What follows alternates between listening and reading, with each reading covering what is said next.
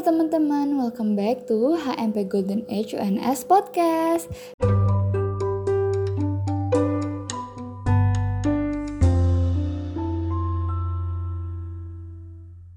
Kembali lagi bersama aku Vina. Di episode kali ini aku akan ngebahas seputar eksploitasi anak loh. Yuk simak bareng-bareng. Nah, ngomong-ngomong eksploitasi anak, Teman-teman udah tahu belum nih, apa sih eksploitasi itu? Nah, mengutip dari Cambridgeshire Constabulary, eksploitasi anak adalah sebuah kondisi saat pelaku atau orang dewasa berusaha mengambil keuntungan dari seorang anak demi keuntungan pribadi mereka sendiri. Penyalahgunaan orang tua terhadap anak dengan mempekerjakan anak di bawah umur atau eksploitasi merupakan tindakan suatu pelanggaran dan mengancam keselamatan baik fisik maupun mental anak tersebut. Eksploitasi ini merupakan suatu problema yang sangat kompleks.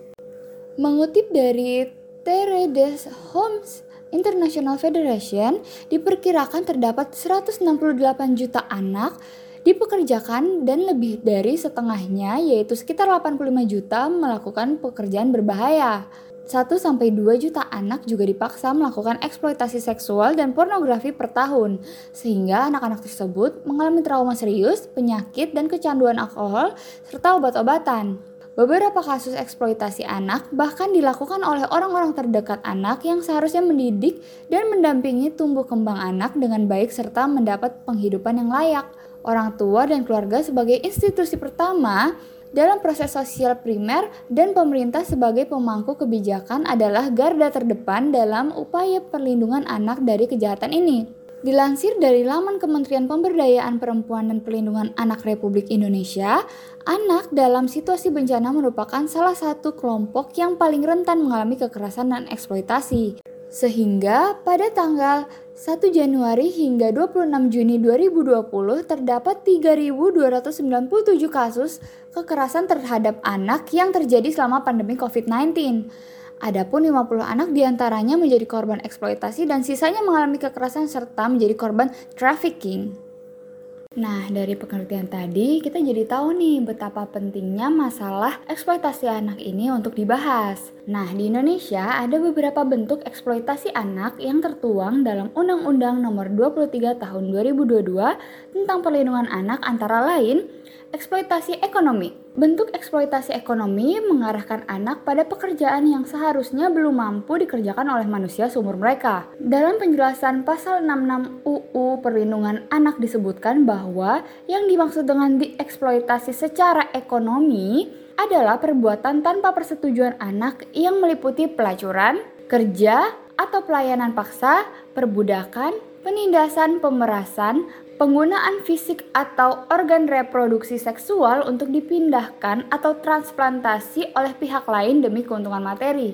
Tuntutan ekonomi bisa membuat orang lain melakukan apa saja yang bisa dilakukan demi terpenuhinya kebutuhan hidup mereka. Hal ini merupakan suatu fakta yang tidak bisa dipungkiri lagi. Meskipun menurut definisi masyarakat kegiatan eksploitasi terhadap anak-anak ini tidak pantas dilakukan, tapi kegiatan ini dilakukan oleh pihak yang terkait dengan alasan yang sangat jelas menurut mereka. Ini adalah bentuk penyalahgunaan anak untuk dimanfaatkan fisik dan tenaganya agar bekerja demi keuntungan orang lain. Selanjutnya ada bentuk eksploitasi sosial. Eksploitasi pada anak ini merupakan segala bentuk tindakan yang membuat perkembangan emosional dan sosial anak terhambat. Salah satu contohnya seperti yang dilansir dari Keper Spring bahwa sebagian orang tua di Singapura memberi tuntutan tinggi terhadap anak-anak mereka. Kombinasi tuntutan tersebut dengan sistem sekolah yang ada menjadikan anak-anak rentan mengalami stres dan kecemasan. Bahayanya, stres yang terjadi secara terus-menerus tersebut dapat memicu efek negatif bagi anak.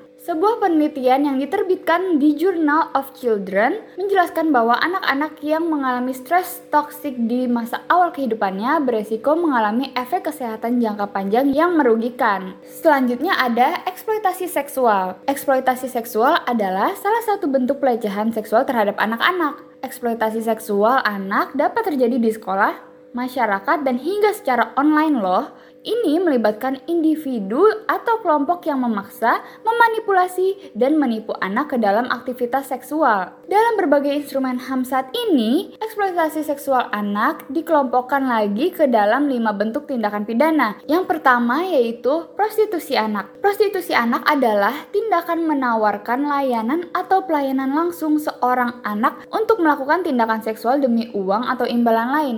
Yang kedua, pornografi anak. Pertunjukan apa pun termasuk foto, visual, audio, tulisan, atau dengan cara lain melibatkan anak dalam aktivitas seksual. Itu termasuk dalam pornografi anak. Selanjutnya yang ketiga ada perdagangan anak untuk tujuan seksual. Nah, jadi perdagangan anak untuk tujuan seksual itu adalah proses rekrutan, penampungan, dan penerimaan anak untuk tujuan eksploitasi seksual. Yang selanjutnya ada pariwisata seks anak atau PSA. Apa sih PSA itu? Nah, PSA adalah eksploitasi seksual terhadap anak oleh orang yang melakukan perjalanan dari satu ke tempat ke tempat yang lain. Seringkali melibatkan penggunaan berbagai layanan akomodasi, transportasi, dan pariwisata yang dapat memfasilitasi kontak dengan anak. Hal tersebut memungkinkan pelaku untuk tetap tidak terlihat di masyarakat dan lingkungan sekitarnya.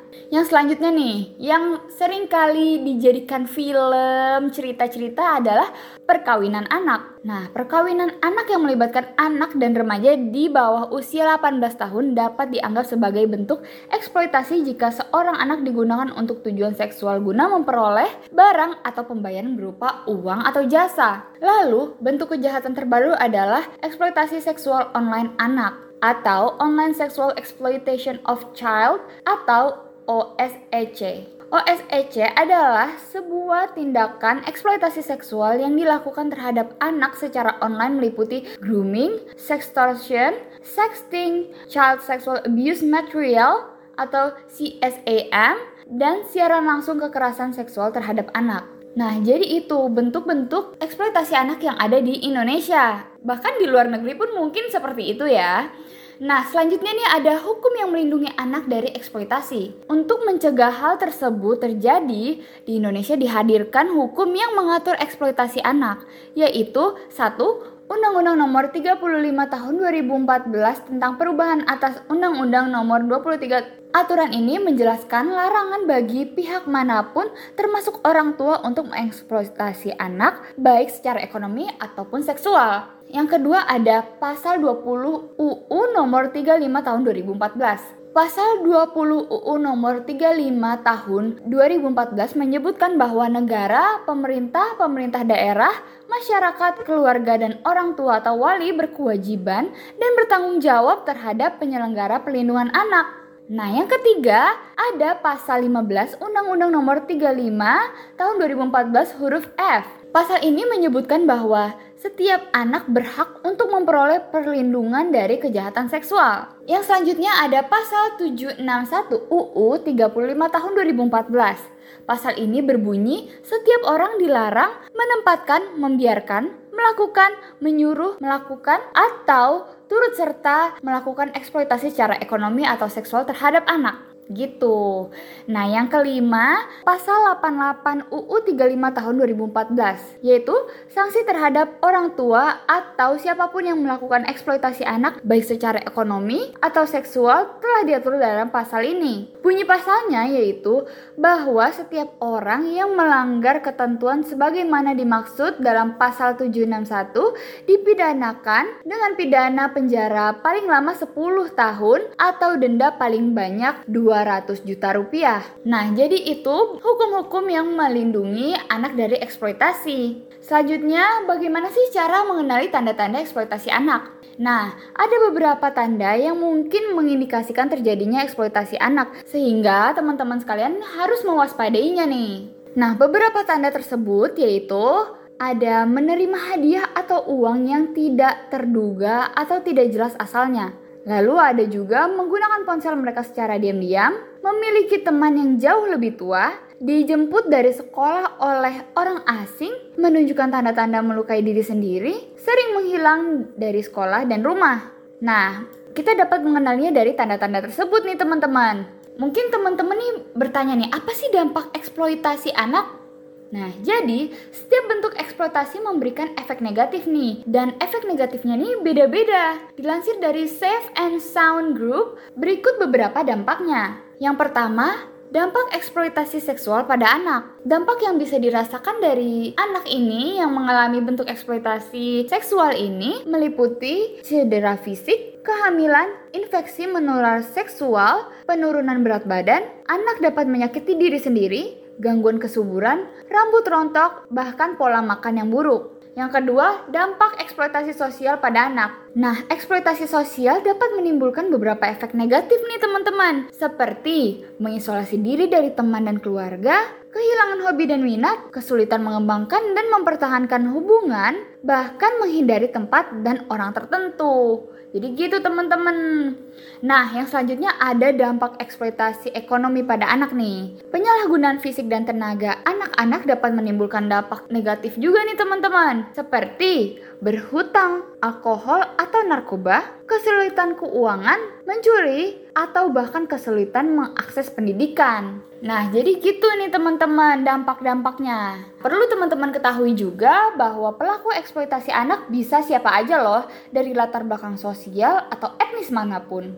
Namun, mereka semua memiliki satu kesamaan, yaitu melecehkan anak-anak dan remaja dengan menggunakan status atau posisi mereka untuk mengeksploitasi korban yang rentan ini. Nah, jadi ini teman-teman, semua pihak nih sepatutnya berjuang untuk pembebasan anak-anak dari bentuk perbudakan ini dan menyediakan tempat berlindung bagi para korban dan mendesak pemerintah untuk memberlakukan undang-undang terhadap jenis pelecehan ini. Perlu diingat, anak merupakan kelompok usia rentan yang harus diberikan perhatian oleh semua pihak, utamanya anak yang menjadi korban eksploitasi. Orang tua dan keluarga terdekat hendaknya melindungi anak dan bukan mengeksploitasinya untuk kepentingan pribadi yang bisa berdampak buruk untuk masa depan anak dan bangsa. Pemerintah juga sebagai pemangku kebijakan perlu nih memastikan ketersediaan regulasi lengkap serta teknis pelaksanaan di lapangan. Itulah beberapa hal yang wajib teman-teman pahami mengenai eksploitasi anak. Kalau teman-teman menemukan nih tanda-tanda eksploitasi anak,